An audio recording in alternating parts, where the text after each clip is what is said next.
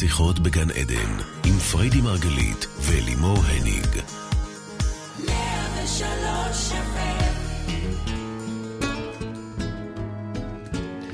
בוקר טוב, בוקר טוב, בוקר טוב לכל המאזינים של רדיו 103 FM. בוקר טוב לכולכם, אנחנו כאן עם עוד תוכנית של שיחות בגן עדן, תוכנית העוסקת בתודעה, בחיים ובמה שביניהם. די, נכון? אפשר לדקלם את זה כבר? Mm. אני אלימור הניג, ואני אלווה את השידור, כל זאת לצד מייסדת שיטת מטה-פסיכולוגיה, מומחית התודעה המדהימה, וגם בת הזוג האהובה שלי, פריידי מרגלית. בוקר טוב. בוקר טוב לכולם. בוקר אור. אנחנו היום בתוכנית בנושא כעסים. כבר הייתה לנו תוכנית בנושא ביקורת, והבנו איך אנחנו מקבלים ביקורת, נותנים ביקורת בלי להיעלב. אבל מה אם עולה בי כעס? אני זוכרת את עצמי נכנסת לכעס, לכעסים, ויכול לקחת לי כמה טובים, ימים טובים להירגע מהכעס הזה. זה, זה לא קל לי לשחרר את זה. זה כעס יכול להיות מאוד מעיק מבחינתי. מה יש לך להגיד לנו על זה? אז קודם כל אני אקדים ואומר שכעס הוא בכלל סימן להתקדמות ולהתפתחות. בהתפתחות יש לנו תנועה, אוקיי? ובתנועה יש חיכוך, והחיכוך הזה הוא לא תמיד נעים. לפעמים הוא מתבטא ככעס או כתסכול, וצריך להבין שהוא מעיד על התקדמות. יותר גרוע מכעס מבחינתי, ונקדיש גם לזה שיחה, זה נושא של תקיעות, זה נושא של נוחות. לפעמים אנחנו נמצאים באיזשהו מקום ישנוני ולא ערני, ומקום שהוא, שם יש סכנה. בכעס צריך להבין איך לעבוד איתו כמובן, אנחנו לא רוצים לשלח רסן ולתגובות זעם שאחר כך כולן, אנחנו מרגישים חרטה ואשמה ואין באמת כוונה, תגובות של הרס. ברור שאנחנו לא רוצים את זה. אנחנו רוצים אבל להבין שקודם כל הכעס הוא לא רע. לא, זה חזק צריך מה לדעת שאת אומרת. לתעל אותו, ואז להיבנות ממנו. בגוף שלנו קורים דברים מדהימים כשאנחנו ברגעים של כעס. קורים, אתם מכירים את זה, שאנחנו מתמלאים באדרנלין, האישונים מתרחבים, קורים לנו דברים, אנחנו בעצם, יש שם איזשהו סוג של מוכנות, שאנחנו צריכים לדעת איך לתעל את המוכנות הזו, אוקיי? איך לא להפוך אותה לרעל הרסני, ובו זמנית למנף ולנצל את ההזדמנות הזו. את אומרת, עוד פעם, אני חוזרת על זה, את אומרת שכעס הוא סימן להתקדמות. נכון, נכון. הוא טוב. יותר גרוע זה. מצב שבו אנחנו ישנים ולא מרגישים כלום, איזשהו נם, איזושהי תקיעות מאוד גדולה. כעס על זה תקיעות שלב, אנחנו נעשה תוכנית נכון. כאן, מאוד בקרוב גם. נכון. אבל אני רוצה שנייה להבין את זה. את אומרת כעס זה כבר שהכעס- מעבר, אנחנו כבר מתחילים להרגיש את התקיעות, כבר לא נוח לנו, משהו מתסכל אותנו, אוקיי? ולכן, בעצם, גם אם זה כעס עצור ומודחק, הכוונה כעס פנימה, שאנחנו מרגישים כעס בתוכי, בא לי להרוג מישהו, בא לי להרוג את עצמי, אוקיי? אוקיי. ובין אם זה כעס שהוא זועם ומתרעם החוצה. זה כך או בסדר, כך, כך או כך? רגע, מה זה בסדר? הוא, קודם כל, כעס הוא בכלל מקור מספר אחד למחלות. Mm. אנחנו לא רוצים לטפח כעס, בכלל לא. אוקיי. הוא מקור גדול למחלות. אנחנו רוצים להבין איך לעבוד איתו, איך לתעל איתו, לתעל אותו. זאת הכוונה אוקיי. כאן היום. אוקיי. וצריך לדעת שכעס הוא תמיד, אבל תמיד, רגש משני. כלומר, יש משהו מתחתיו, זה לא רגש ראשוני. זה לא כמו לצורך העניין אה, דחייה, נעלבתי, או, או רגש אחר. רגש של כעס, כשאנחנו מרגישים כעס, מתחת לזה יש משהו אחר, ואותו אנחנו רוצים לפענח, להבין מה יש שם.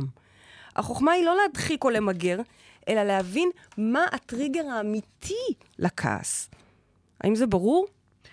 אני מנסה רגע ככה לדייק. את אומרת שאם אה, עכשיו מישהו חסם אותי באוטו, כמו שחסמו אותנו אתמול, ואני מאוד התעצבנתי. כן. אז את אומרת בעצם שאין לי בכלל מה להתעצבן עליו, את אומרת לי, כנסי פנימה, כמו שאת תמיד אומרת, ותבדקי מה יש מתחת לזה. נכון, מה נכון, יש מתחת לזה נכון. שהוא חסם לי את האוטו? יש משהו, או שאת חסרת סבלנות, או, או. שאת עצבנית על משהו אחר, Mm. או שאת כועסת שלא רואים אותך וחוסמים אותך. אז עזבי את הדוגמה הזאת. יש בוא ניקח דוגמה, משהו.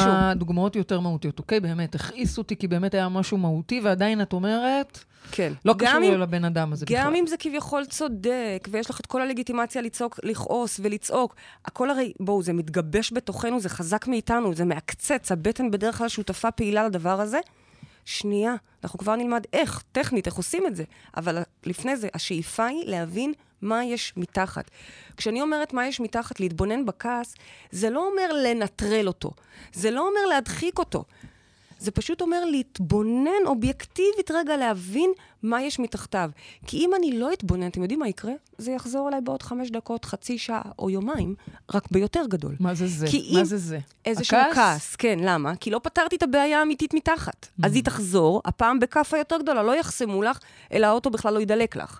או, את מבינה? זאת אומרת, זה, זה זאת אומרת- ילך ויגדל. כי אם אני לא מתייחסת לשיקוף מהותי, אז הוא שם, הוא לאן הוא ילך? אז את אומרת שאם אנחנו בכעס, אנחנו לא צריכים להיות בכעס, זאת אומרת, הוא שם, אבל אנחנו צריכים בעצם מיד כמה שיותר מהר להתבונן מה כן. בעצם נמצא מתחת לכעס, כי את אומרת נכון. שהכעס הוא תוצר של משהו הוא תמיד. תמיד, הוא תמיד רגש משני. רגש משני, בניגוד לרגש ראשוני, הוא יושב על משהו. הוא לא, אוקיי, אני כואבת כי אני כואבת. אני פצועה כי אני פצועה.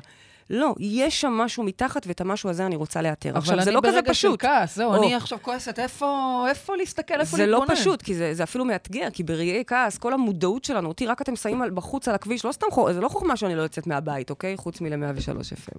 אני, כי, כי עצם הפקקים, אסותא. נכון, עצם הפקקים וכל הבלגן, זה ישר מכניס אותי לרטטים שאני לא יודעת איך לעבוד איתם. אז זה הכי מאתגר ברגע של כעס, ברגע שבא לך לעשות, ככה, באמת, להתפרץ, בין אם זה פנימה, בין אם זה החוצה, ולכן יש לנו סדר פעולות שצריך לזכור. יש ממש הנחיות, אוקיי? א', ב', ג'. מעולה, תגידי א', לנו אותם. דבר ראשון, נשימות עמוקות, שימו לב, שאיפה דרך האף, איטית.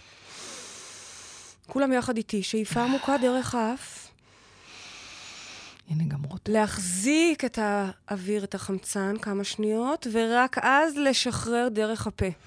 זה מאוד חשוב, הנשימות האלה, כי הן עוזרות לנו להחזיר את החמצן למוח ולהירגע. אמרנו הרי שכל הגוף מלא אדרנלין עכשיו, הוא בהיקון. הוא בהיקון, הוא מוכן לתקוף.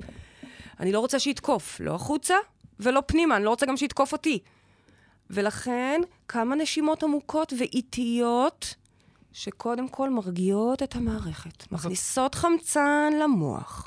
אז את אומרת ברמה הפיזיולוגית, נכון. הנשימות האלה עוזרות, כי הגוף מגיב לכעס בצורה מאוד מסוימת, והנשימות באמת באמת פיזיולוגית עוזרות להרגיע את זה. דבר ראשון. זה אוקיי. הדבר הראשון. אוקיי. חמצן למוח. לפני שאני צורחת עליו, בדיוק. על זה שחסם לי, לנשום. וזה יכול להיות גם, יש כאלה שלא צורכים, לא כולם צורכים. לא, לא, לא, יש כאלה שהם בפנים, אוכלים את עצמם. אוכלים את עצמם. גם. זה לא טוב לי. כן. אז הנשימות הראשונות הן בעצם בשביל להחזיר את החמצן למוח ולהרגיע רגע את המערכת. להרפות את הגוף, זה מרפא את הגוף. נכון. כמה אוקיי. נשימות כאלה, אוקיי? אוקיי. איטיות, ואני חוזרת ואומרת, שאיפה דרך האף, החזקה של החמצן, ונשיפה החוצה. אוקיי. שלב שני, אוקיי, טיפה נרגעתי, טיפה לנרגעתי. בשנייה אני יכולה הרי לחזור, כן? טיפה לנרגעתי, מה אני עושה? ממשיכה לנשום, אלא שהפעם הנשימות, אותו נשימות, עדיין ממשיך, כניסה חמצן, מחזיקה ונושפת, אלא שהפעם המטרה שלהם היא לא רק להרגיע את המוח שלי, להכניס חמצן למוח, אוקיי. אלא הפעם המטרה שלהם היא להתבונן. אלה נשימות, הנשימות הבאות, בוא נגיד שאם אני אחלק לי איזה חמש נשימות ראשונות, הן רק להרגיע את המערכת. חמש נשימות הבאות הן התבוננות. הגוף הרי כל הזמן מדבר איתנו. דיברנו על זה כבר בנושא של תזונה ואוכל, דיברנו על זה בנושא של מחלות. הגוף מדבר, מתקשר איתנו, התאים מדברים איתנו. וגם פה, אם אנחנו נסתכל בתוך הגוף, כלומר נעצום עיניים ונמשיך לנשום ונראה איפה המועקה, נרגיש איפה הכעס הזה בעצם מדבר איתנו, אנחנו נוכל ללמוד על אופי הכעס ולטפל בו עוד שנייה בנשימות מתוך הבאות. זה? כלומר, כן, כן. זאת אומרת, בעצם, לצורך העניין, תני לי דוגמה, הנשימות הבאות, את פתאום קולטת שהגב. שלך, אוקיי, הבטן, ב- הבטן. את צודקת, כי הבטן היא תמיד מתערבבת עם כעס. אז אני לומדת, הבטן הרי... יש לי דפיקות לב, אני עצבנית הלב, אוקיי. דפיקות לב. אז בואו אוקיי, ניתן דוגמה טובה? דוגמה לכל אחד מהדברים האלה. כל הדוגמאות אוקיי. האלה הן טובות, כי אתם תפגשו גם את זה וגם את זה וגם את זה. הבטן מלמדת אותי בעצם שרגשית אני פגועה. הרי הבטן זה מרכז האגו שלנו, מקלט השמש. מרכז האגו. האגו שלך פגוע, ממי, את פגועה, את נפגעת. אז קודם כל, את, אני מורידה, זה לא כעס, זה פגיעה. האגו שלך נפגע, את נעלבת. שנייה, עוד לא פתרתי, אבל הבנתי. אבל אני כועסת על זה. רגע, שנייה, עוד אוקיי. דקה אנחנו נראה מה עושים עם זה. אוקיי. את קודם כל מבינה, פתאום, את רואה בחמש נשימות הבאות, שהבטן שלך מעורבת בסיפור הזה, מרג... עוד לפני שאת מרגיעה אותה, את קודם מבינה שבעצם היא פגועה. יש פה כאב מתחת לכעס. הכעס, אמרנו, הוא משני. או אמרת לב, דפיקות לב. אז הלב שלך סגור כרגע, או הלב שלך וואו. פוחד כרגע, כי הוא מרגיש חוסר אמון. זאת אומרת, אז זה לא רק כעס שמייצר את הדפיקות לב, אלא יש שם באמת כרגע כאב, כאב לב. זה כבר משהו אחר, ההתייחסות תהיה שונה. אם זה הגב, שפתאום הגב מדבר איתי, אז אני בעצם מבינה שאני, לפחות בתחושה שלי, אין לי תמיכה. אין לי תמיכה, הכל עליי, הכל עליי. אז עוד פעם, אז אני לא כועסת כבר. אני כבר רואה שזה בעצם אני לבד ואין לי תמיכה. זה מאוד, זה מהותית אחרת, כי עם זה אני יכולה לעבוד. ואם אני לא מצליחה לזהות אזור, אוקיי, אני מרגישה, הגוף שלי כולו רותח, אוקיי? לא, לא יודעת להגיד לך אז לכי על. רותח. אז לכי על אוקיי. רותח, אז לכי על אוקיי. החם הזה, לכי אוקיי. על החם הזה, ותסתכלי עליו. תביני שאת בעצם כרגע רותחת. מה יש מתחת? מה- למה את רותחת? מה מבעבע שם מתחת? מה- בדיוק, אוקיי. בדיוק. רואה את הביעבוע הזה, רואה את ההקצוצים האלה. זאת אומרת, חמש הנשימות הראשונות, האיטיות, נועדו להרגיע את המוח, להכניס לו חמצן, שנייה להוריד את ההיקון שהוא נמצא בו. חמש הנשימות הבאות נועדו כדי להתבונן ולמקד איפה הגוף מדבר איתי, כי זה ייתן לי הסבר על מהות הכעס, על מה נמצא שם מתחת, וזה מה שרלוונטי לי.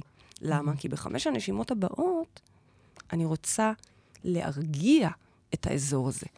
אני רוצה לנשום, אבל הפעם נשימות מרפות אל שורש הכאב. זה כבר לא כעס שמדבר כרגע, זה כאב, זה פגיעה, זה חוסר אמון, זה הכל עליי. זה כבר לא כעס, זה הרבה יותר עמוק מזה, ועם זה יש לי מה לעבוד. זאת אומרת שבחמש נשימות הבאות, שהן נראות על פניו אותו דבר, אותה שאיפה, אותה נשיפה, אותו קצב, אותו חמצן, פעם ראשונה זה הגיע למוח להרגיע. פעם שנייה, הגוף עזר לנו להבין איזה חלק כרגע הכי בתנועה, הכי צפוף, הכי מבברט. ופעם שלישית... מבברט. זה מהמילה Vibrate, ויברציה, כן? אוקיי, vibrates, כן. אוקיי? ופעם שלישית, אני, זה נשימות. של ריפוי. אני לתוך, אני נושמת עמוק לתוך מוקד הכאב, לתוך מוקד התסכול. אני רוצה להגיד לך שרק מעצם איך שתיארת את זה, אני כבר, נרגעת? באמת, נכנסתי לרגיעה, זה נורא נעים. אבל אני, רוא- שנייה, יש לנו מאזינה כבר על הקו, אני רק רוצה להגיד דקה לפני, תקשיבי, באמת, זה מה זה לא פשוט. לנשום, לנשום, לראות, זה קשה, אני עכשיו עצבנית, איזה לנשום ואיזה זה מאוד נעליים. מאתגר, אבל לא סתם אמרו לנו כילדים תספרו עד עשר, אז פה זה קצת יותר מתוחכם וקצת יותר אה, עמוק אני- מזה. אוקיי. וזה באמת מורכב, אנחנו מלמדים את זה בשנה שנייה, אוקיי? יש לנו שנה א', יש לנו שנה ב' של לימודים. כן. זה נקרא מעבדת מנהיגים, שם לומדים כל רגש ורגש, ממש. כל רגש לוקחים ומפענחים אותו ולומדים איך לעבוד איתו, כי זה לא הרגש הוא אחד. יש מלא, כמו שדיברנו על דחייה ודיברנו על חוסר ביטחון. הנה, אנחנו מדברים היום על איך לעבוד עם כעס, אבל מבחינתי, גם אם תצליחו לקחת את השיחה הזו ולהפוך את הכעס למפת דרכים, דרכו אתם מזקקים את הרגש שיושב מתחת לכעס, אז מעולה. אני את שלי עשיתי. מעולה, את מסכימה? מעולה, אז זה, זה חשוב להגיד את זה, כי יופי. באמת אה, תלמידי שנה ב' הם עוברים שבוע שלם עם זה, ותדר, ברור, ולומדים וכל לעבוד העבודה עם עם זה. לאט-לאט, אבל לאט-לאט. באמת זה כבר אה, לשנות את התפיסה על זה, זה נהדר. אז בואי אה, נראה כבר איך עושים את זה אונליין. יש לנו היום אה, אנשים כעסנים ואמיצים, כי לפחות הם מודים בזה. אז בואו נגיד בוקר טוב למי שאיתנו על הקו. בוקר טוב, בוקר טוב, בוקר אור. מי מדברת איתנו? יהודית. אהלן יהודית, בוקר טוב, מה שלומך? הכל טוב, אני תודה. מניחה שאת כועסת אם את עלית לשידור היום. כרגע לא.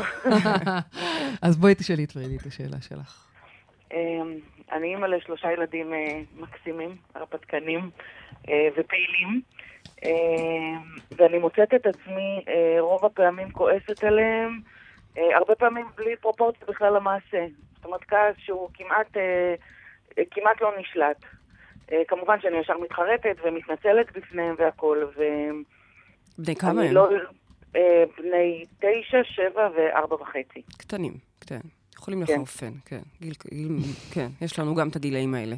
שש, שבע, וזה שמונה. ממש מעגל כזה של כעס, של חרטה, של התנצלות, כעס, חרטה, התנצלות, את ואני לא מתארת את מצליחה- המעגל הזה בצורה מדהימה. את מתארת את המעגל הזה בצורה מדהימה, כי זה בדיוק ככה. בין אם הכעס הזה פונה החוצה, ואת מוציאה אותו החוצה, ובסוף מרגישה עם זה אשמה, וחוזר הכעס פנימה אלייך, לאיך את, איך התנהגת כך, ובין אם הכעס הוא אה, אה, מודחק ועצור בפנים, כך או כך, זה אותו דבר. זה אותו רטט של כעס, ואנחנו רוצים ללמוד איך לטפל בו. אז עכשיו, אני אשאל אותך, על מה את כועסת עליהם? אמ, שהם לא מקשיבים, שהם אה, מבלגנים, שהם מתרוצצים. שטויות של ילדים, זאת אומרת, זה לא משהו... ניסיתי לרדת לסוף הבעיה, להבין מה, מה זה אצלי. או, אבל או, בגדול זה... מה זה אצלך? אולי שלא מקשיבים לי. אוקיי, לא. אוקיי, תראי איזה יופי, תראי איזה מודעת, את אומרת את הכל בעצמך. א', תיארת את השרשרת הזאת, את הלופ הזה, שזה בדיוק ככה, ככה אנחנו מלמדים את זה, זה בדיוק הלופ הזה שתיארתי עם הכעס שמוביל לאשמה, שמוביל בסוף לכעס פנימי. וב', את אומרת, בעצם אני מבינה שהם לא רואים אותי. אני כועסת על זה שלא רואים ולא שומעים אותי. ולכן, כאימא וכאדם מודע שעולה כאן לשידור, את בעצם מבינה שהכעס אליהם הוא לא פרופורציונלי והוא בכלל לא קשור בהם, הוא קשור בך. אז בואי תנסי רגע לפענח איפה את מרגישה שלא רואים אותך. עזבי אותם רגע, הבנו, הם משקפים לך את זה. אבל איפה את מרגישה באמת לעומק שלא רואים ולא שומעים אותך ולא שמים עלייך בכלל? זה- בהקשר שלהם או בכלל? בכלל. זו, זה בדיוק, רגע, אני רוצה שנייה לעצור. את בעצם אומרת, זה חשוב לי שנעשה את זה בשידור חי. את אומרת שהיא צריכה להתבונן על איפה ש... זאת אומרת, הכעיסו אותה, ואת עדיין אומרת לה להתבונן בכלל לא על, לא על מי שהכעיס אותה. נכון. את נכון. מבינה, יהודית? היא אומרת לך, תראי איפה את מרגישה שלא מקשיבים לך, בכלל לא קשור לילדים. היא הבינה את זה, אני חושבת? כן, זה בדיוק העניין. דרך הילדים, או דרך השיקוף של הכעס, מי שמכעיס אותי, אני לוקחת את השיקוף הזה, אוספת אותו, ואומרת, רגע, מה קורה? למה אני כועסת? כי הם לא רואים, כי הם מבלגנים, כי הם בלה בלה בלה. ואז אני ממשיכה עם זה פנימה לעומק ואומרת לעצמי, רגע, אז בעצם יהודית, את כועסת באופן כללי על העולם, כי לא רואים אותך. כי לא שומעים אותך. ואת זה אני רוצה לטפל בו, כי אחרת אני אמשיך לכעוס על הילדים ולהתנצל ולהרגיש אשמה כל פעם מחדש. בעוד שאם את תסתכלי באומץ פנימה, ותשאלי את עצמך, אז רגע, איך את נותנת לזה לקרות? מסכנים הילדים, הילדים הם רק שיקוף בעצם. שוב, הם לא מסכנים, הכל בסדר, הכל הכל טוב. דיברנו על זה בשיחה קודמת על הורות מודעת. אבל הנה אנחנו יכולים פה להטמיר את המקום הזה על ידי זה שתשאלי את עצמך, רגע, בעצם התודעה שלי כועסת, כי די, נמאס לה להיות במקום הזה שלא רואים ולא שומעים אותה.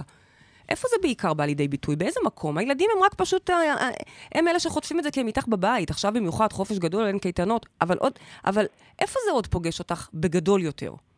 אני חושבת שזה אפילו עוד קצת יותר מסובך, זאת אומרת, זה, קטע שאני לא רואה את עצמי. Mm, יפה, וואו, איזה תובנות עמוקות יש פה. איזה תובנה אדירה. וואו. איזה תובנה אדירה, ועם זה הכי קל להתחיל, כי זה אפילו לא מישהו חיצוני, זה לא הבעל שלא רואה אותי או העבודה שלא רואה אותי, שאגב, גם בזה היינו יכולים לטפל, כי, כי עוד פעם, בסוף זה מביא לאת לא רואה אותך, אבל את הולכת ישר לשורש. בעצם את אומרת, זה אני לא רואה את עצמי. ותרשי לעצמך להיות עוד טיפה בוטה עם עצמך, ולהגיד לנו, אני פשוט כבר שומעת את זה, איפה את לא רואה את עצמך, אחי? את יודעת למה את בעיקר כועסת עליהם? דווקא עליהם? למה זה יוצא דווקא מולם? כי שם את הכי מתוסכלת.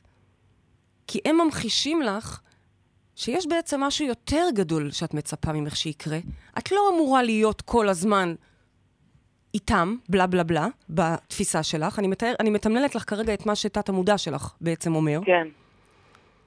ואז את כועסת. את כועסת, מוציאה את זה בין אם עליהם או בין אם עלייך, אבל בעצם את כועסת כי משהו אחר מצפה לך, את יודעת את זה. את מדברת על ההגשמה שלה? בואי כן, נהיה מדויקות. כן, רגע. אני מדברת כן. על ההגשמה שלה. יהודית, היא בעצם אומרת לך, פריידי, שיכול מאוד להיות שאת מתוסכלת כי את לא בהגשמה, ואז זה בא לידי ביטוי בעיקר מול הילדים, כי הם הכי, את יודעת, הם הכי ממחישים את זה שאולי את לא בהגשמה. אגב, אני לא זה אמרתי שהיא לא. בהגשמה, אני מרגישה שהיא מרגישה כן, שהיא יכולה יותר. כן. זה אוקיי. מתחבר לך? כן, כן, לגמרי. מה, מה זה הדבר הזה שאת כן רוצה לעשות, ואת פשוט כועסת על עצמך כי את לא מעיזה? אני סיימתי אה, זוגיות של 15 שנה לפני שלושה חודשים בערך, ועד אז כל הזמן אה, נתתי אה, לצד השני, אני תמיד הייתי בצד, כי תמיד הדברים שלי הם לא הכי חשובים. אני יכולה להסתדר עם כל Mm. דבר שיבוא. וכאילו מין הרגשה כזו של... שהשארתי את עצמי ככה ב stand by הרבה זמן. אוקיי? אז זה הכעס שלך, בעצם, תראי כמה הוא רגש משני רק. הוא בא, הוא בעצם בא לבטא את העובדה שדי, הגיע תורך, די. אי אפשר לשים כל הזמן לפנייך הבן זוג, הילדים חמודים ככל שיהיו, מדהימים, והם באמת הגשמה הכי גדולה. ועדיין, הם בגיל שכבר קורה לך, אני שומעת את התת-מודע שלך, קורה לך כבר, הגיע תורך. אוקיי? וואו, מה את אומרת, יהודית? לא, תשמעי, זה התחיל מכעס על הילדים, הילדים מעצבנים אותי, ופתאום את שומעת שבעצם התודעה שלך אומרת לך, מספיק, זהו, אני מוכנה, אני רוצה לצאת לדרך שלי, ל- לעשות בשביל עצמי. עכשיו, זה לא מספיק, כי עד שלא תעשי צעד, הילדים ימשיכו להכעיס אותך. אז קודם כל, הסברנו קודם איך לנשום עמוק, ואיך לעבוד בשלושת הרבדים של הנשימות, ולעבוד, לתעל את הכעס נכון, לנהל אותו. בו זמנית, כשכבר הבנת, כי עשינו הרגע בשידור חי, עשינו ביחד, אונליין, והגעת כבר לשורש, הבנת שיש שם פשוט תסכול שרוצה לצאת החוצה ו- ו- ולא מסופק, הגיע תורו. אז אנחנו צריכים לתת לו לפחות את הצ'ופר הראשון שיראה שהוא מתחיל לד... לצאת לדרך. כשהוא יראה שיש פה איזושהי מגמה, הנה הוא מתחיל, הנה תורך, הנה את עושה לטובת עצמך, הנה את אפילו עלית לשידור, הנה את מגיעה למטריקס, הנה את עושה דברים בשביל עצמך, בעצם הילדים לאט לאט פחות ופחות ירגיזו אותך, הפוך. אימא מאושרת, תקשיבו לי, זה לא קלישאה. אני יודעת שזה קשור לשיחה של הורות מודעת, ואנחנו היום בכעסים, אבל אימא מאושרת היא אימא טובה. אימא מאושרת, ככל שאת תהיי יותר בהגשמה, אנחנו הופכים להיות ראיות יותר טובות, בנות זוג יותר טובות, וכן, גם הורים יותר טובים. אז את תראי איך שכל צעד קטן שאת עושה, כי הרי זה לא קורה ביום, אבל כל צעד קטן שאת עושה לטובת עצמך, כל פינוק קטן לטובת עצמך, הופה, הילדים נראים לך הרבה יותר חמודים, ופתאום, פתאום הם משתנים מול עינייך. הם לא השתנו, ממי. הם עדיין חוליגנים, הם עדיין הרפתקנים, שזה דרך יפה להגיד חוליגנים. כן, politically correct. את, כן, אני לא politically correct, כמו שאת מכירה אותי, וגם לי יש ילדים, אז מותר לי להגיד הכל. אבל הם יכולים להטריף אותנו, ובכל זאת, ככל שאני יותר מסופקת ועפה על עצמי, אז אני גם עפה עליהם, ואני עפה באופן כללי על העולם. אוקיי, יהודית? אוקיי. יהודית, אני חושבת שאת יכולה אולי לחשוב עם עצמך על משהו ראשון, אחד קטן, שאת כבר עושה למען עצמך היום. היא יודעת אפילו מה זה. היא יודעת? כן, אני רואה שהיא יודעת, יהודית? מה זה.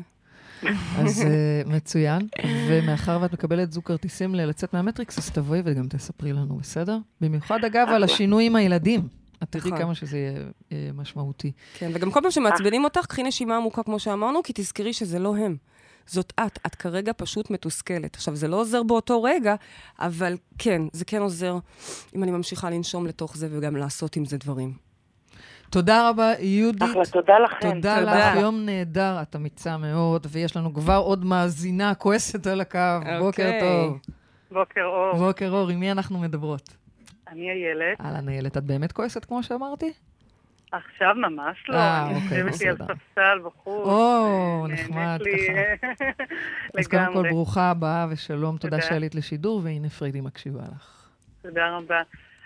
אה, טוב, האמת היא שככה הגבתי לבקשה שהייתה בפייסבוק לנושאים, וזה היה מאוד חם, מה שנקרא, זה צרב.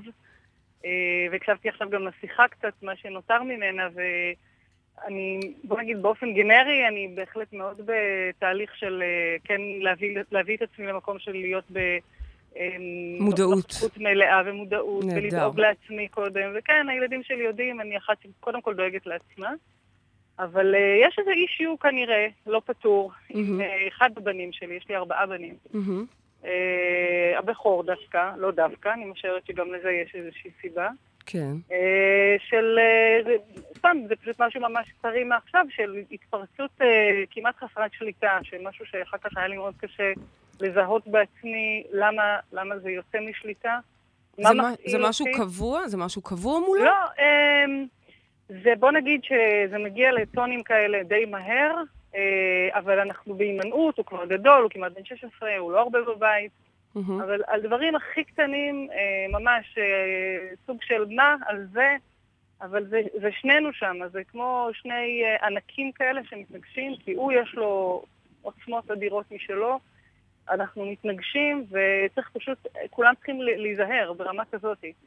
ואני מודה שאחר כך אה, עשיתי שיחה עם, גם עם בן זוגי וגם עם עצמי, ולהבין מה, מה מפעיל אותי, מה, אז מה. זה הדבר הזה. אז תראי, קודם כל, אה, הוא, ב, הוא בגיל ההתבגרות, וזו שיחה בפני עצמה, נכון. ואני לא יודעת אם הייתי מנתב את השיחה הזו לכעסים, לא, או אבל יש לי לשיחה... ארבעה מתבגרים פשוט. כמה? ארבעה? כולם מתבגרים?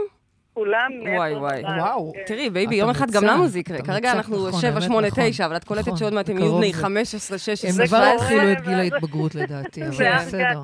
זה הר געש. אז קודם כל, כן. כמו שאת יודעת, ואנחנו נדע את זה גם בקרוב, אה, זה הר געש וזה באמת אה, נושא בפני עצמו. אה, איך להתמודד עם מתבגרים.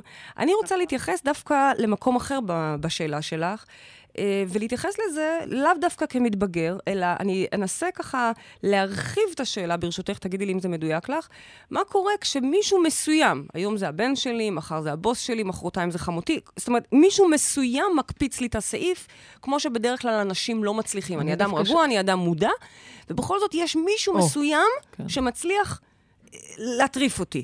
האם אני יכולה לנסות להשיב לך על השאלה הזו, ורגע להתעלם מהעובדה שהוא בן 16 והוא מתבגר, כי זה כן. באמת נושא בפני עצמו, ואין מה לעשות, אם אני אומרת פה לנשום עמוק 15 נשימות מחולקות ל-555, אז לך אני אומרת, תנשמי עמוק חמש שנים.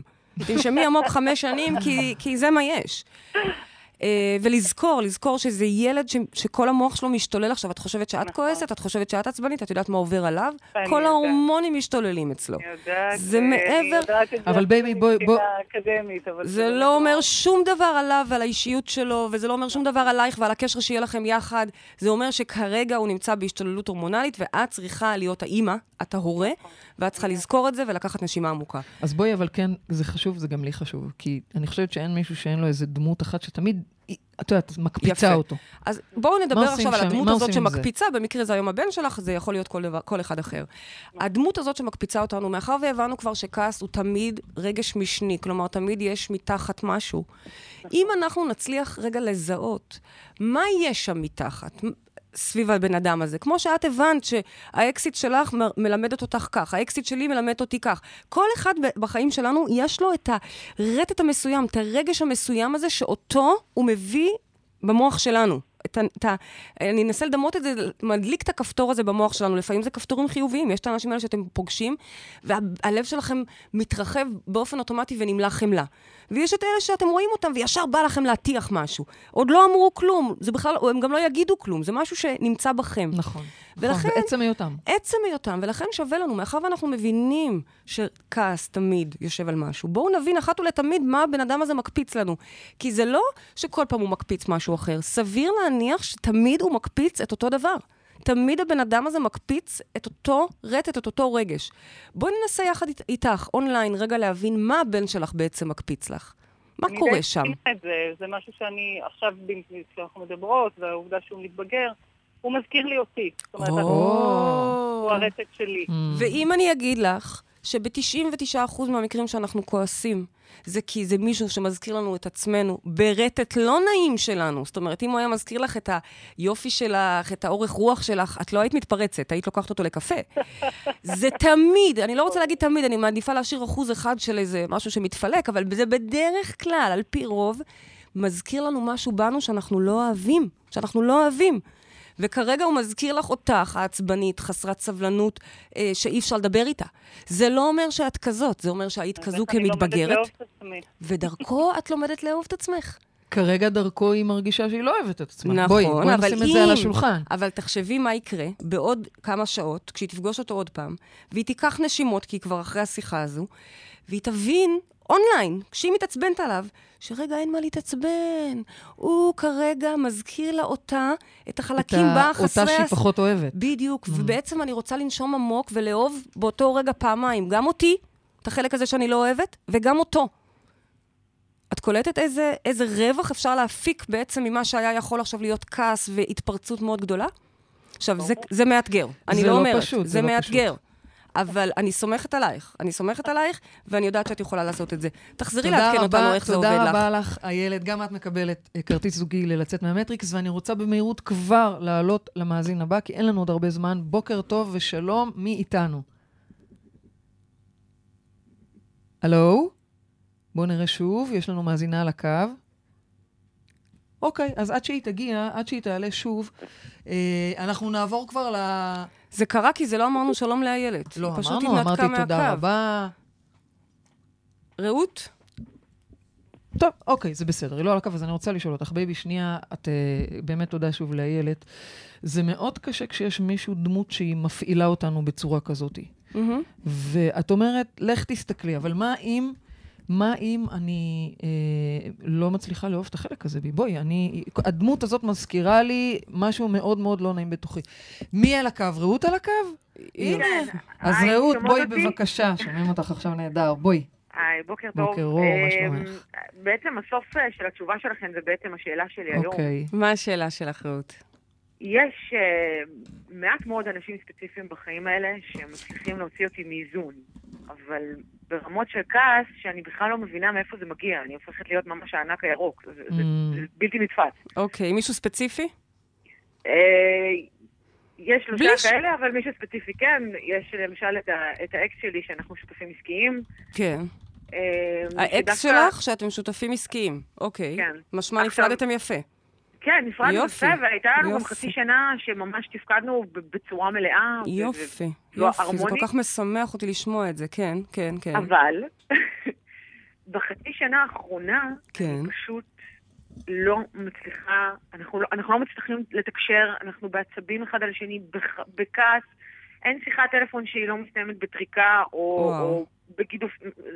זה לא קורה לי. זאת אוקיי. אומרת, אני לא מצליחה להבין למה.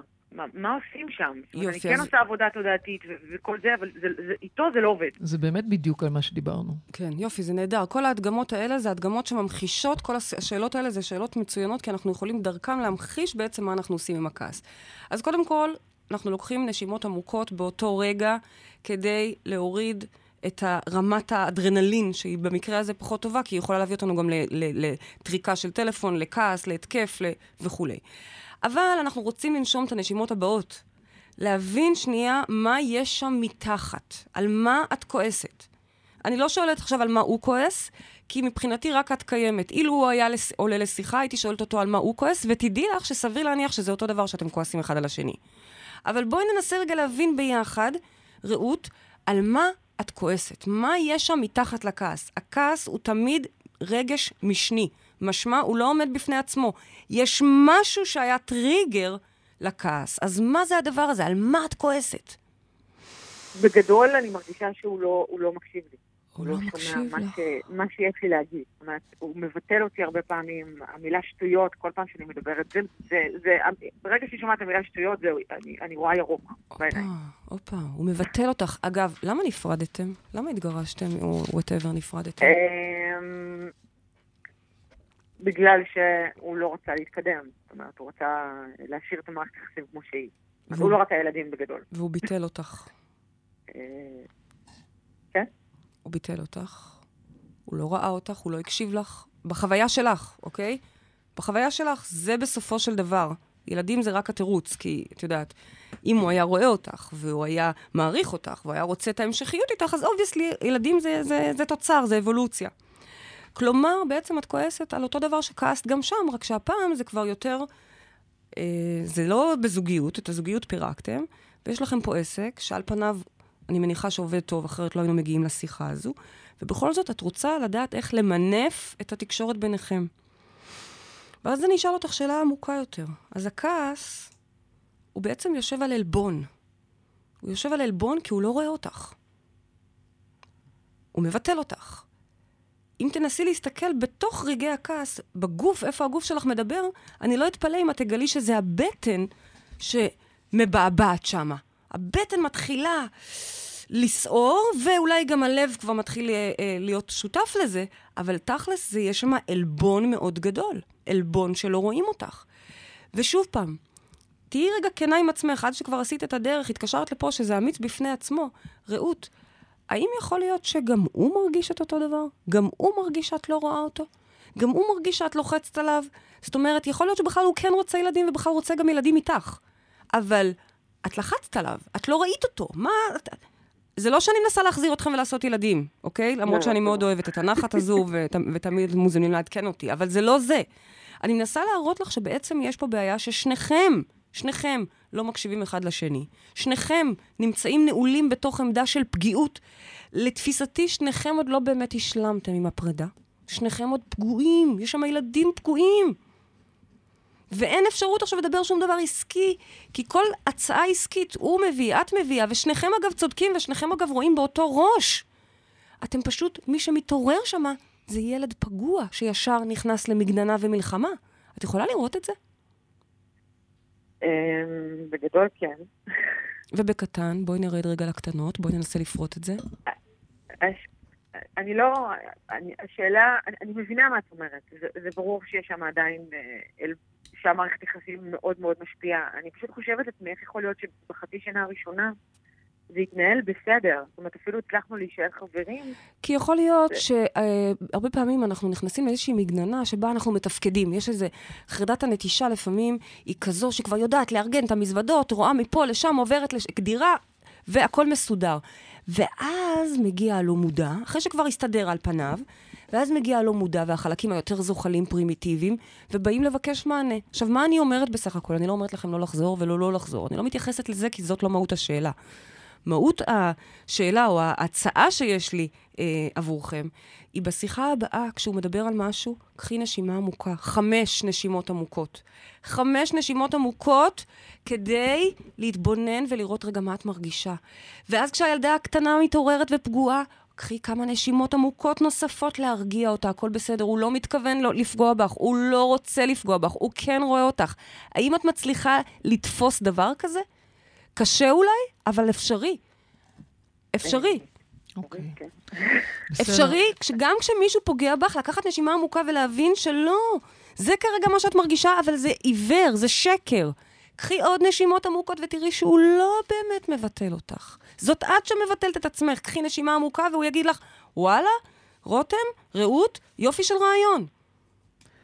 רעות, מה את כן. אומרת? יש מצב שתנסי את זה? אני, אני אני מבינה שזה בטוח, אולי אה, זה קשה לתפוס. בכלל את זה, אם זה מול מישהו שכל כך מקפיץ אותנו. אני יכולה להגיד לכם מניסיון אישי שזה עובד, זה דורש, זה דורש עבודה פנימית, זה דורש תרגול, הרבה, זה לא קורה כזה ביום. פשוט. זה לא קורה ביום. אבל ממש תיכנסי, ממש בזום אין ל- ל- לחלקיקי שניות, איך פריידי אומרת, אני אוהבת את זה, שאת אומרת, בואי תעשי זום אין, לאט לאט רגע, מה שנראה לנו כל כך מהיר, בשנייה התעצבנתי, רגע, מה היה שם? ממש תיכנסי. לפרום את זה ולראות איך זה. מתהווה, ולראות איך את משנה, את משחקת עם החלקיקים האלה, והופה, הוא פתאום אומר לך, וואלה, איזה רעיון גאון את. כזה.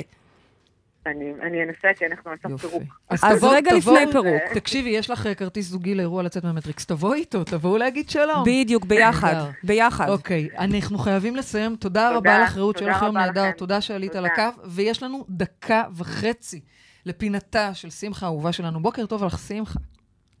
אלינור! אלימור, אלימור. אני כן, רק שומעת. אותך, כן, וחיוך. עולה לי.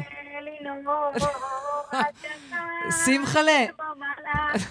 שמחה, מה שלומך, ממוש? אלימור, כן, מה שלומך? מה שלומכם? יש לנו דקה וחצי, אז יאללה, שאלה יאללה, אני בנושא. כעס.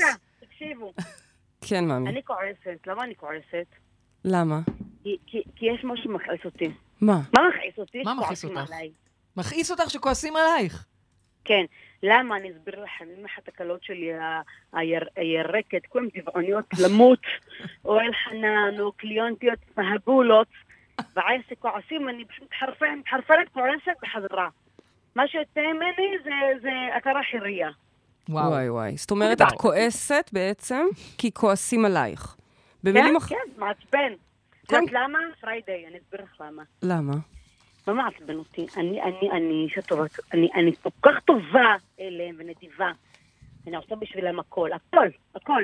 אלחנן מתגן להם אה, שניצלים, הוא מכין להם את האוכל, אפילו קופסאות אורז לשבת, לעצלנים האלה, הירקת. את עושה להם אה, הכל.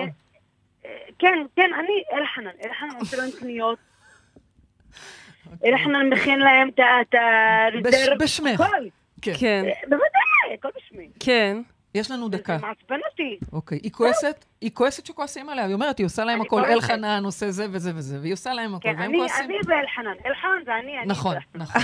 אני מתה עלייך. לקחת את השיקוף יופי. לדבר הזה. כן. אלחנן זה אני, אני זה אלחנן. קודם כל את צודקת.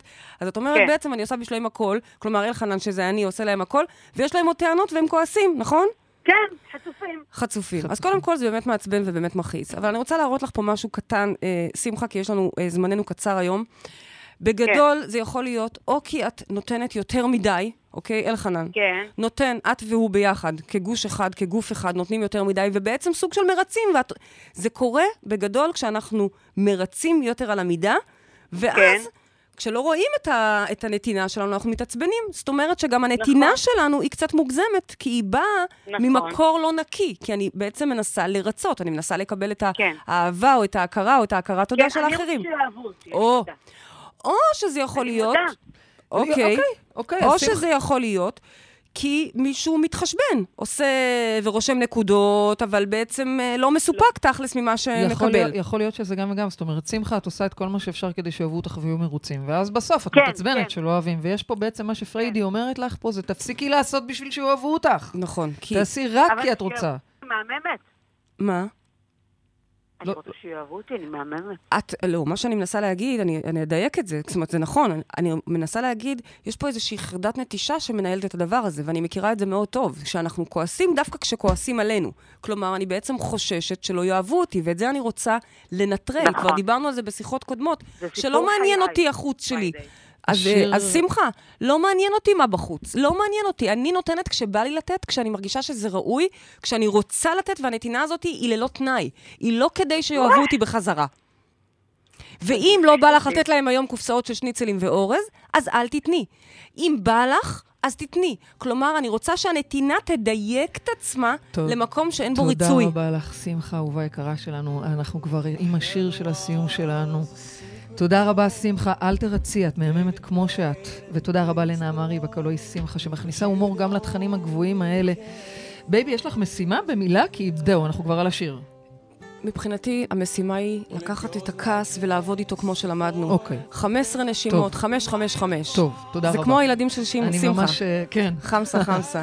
הגענו לסיום התוכנית שלנו. תודה לרדיו 103 FM, תודה לעורכת רותם אפשטיין הנדיבה והמתוקה. תודה רבה לטכנאי השידור איציק אהרון, שמצחיק אותי כבר כל השידור הזה, אין עליך. תודה לכל מי שהתקשר, תודה לכם המאזינים. תודה לך, בייבי. פריידי מרגלית, תודה, אהובה תודה שלי. לך. אנחנו נתראה כאן בשבוע הבא, כרגיל, בתוכנית נוספת, ותזכרו שגן עדן זה כאן. הללויה.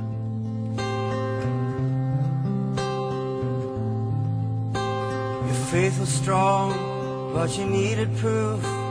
You saw her waiting on the roof, her beauty and the moonlight overthrew you. Tied you to a kitchen chair. She broke your throne and she cut your hair. And from the lips she drew the hallelujah.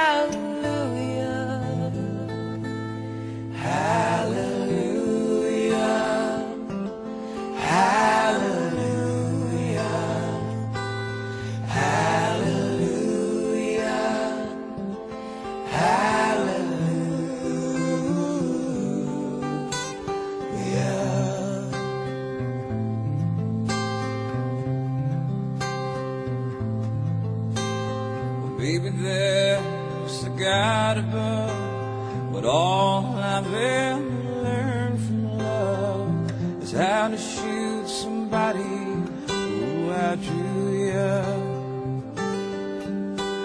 It's not a cry that you hear at night. It's not somebody who's seen the light. It's a cold and it's a broken.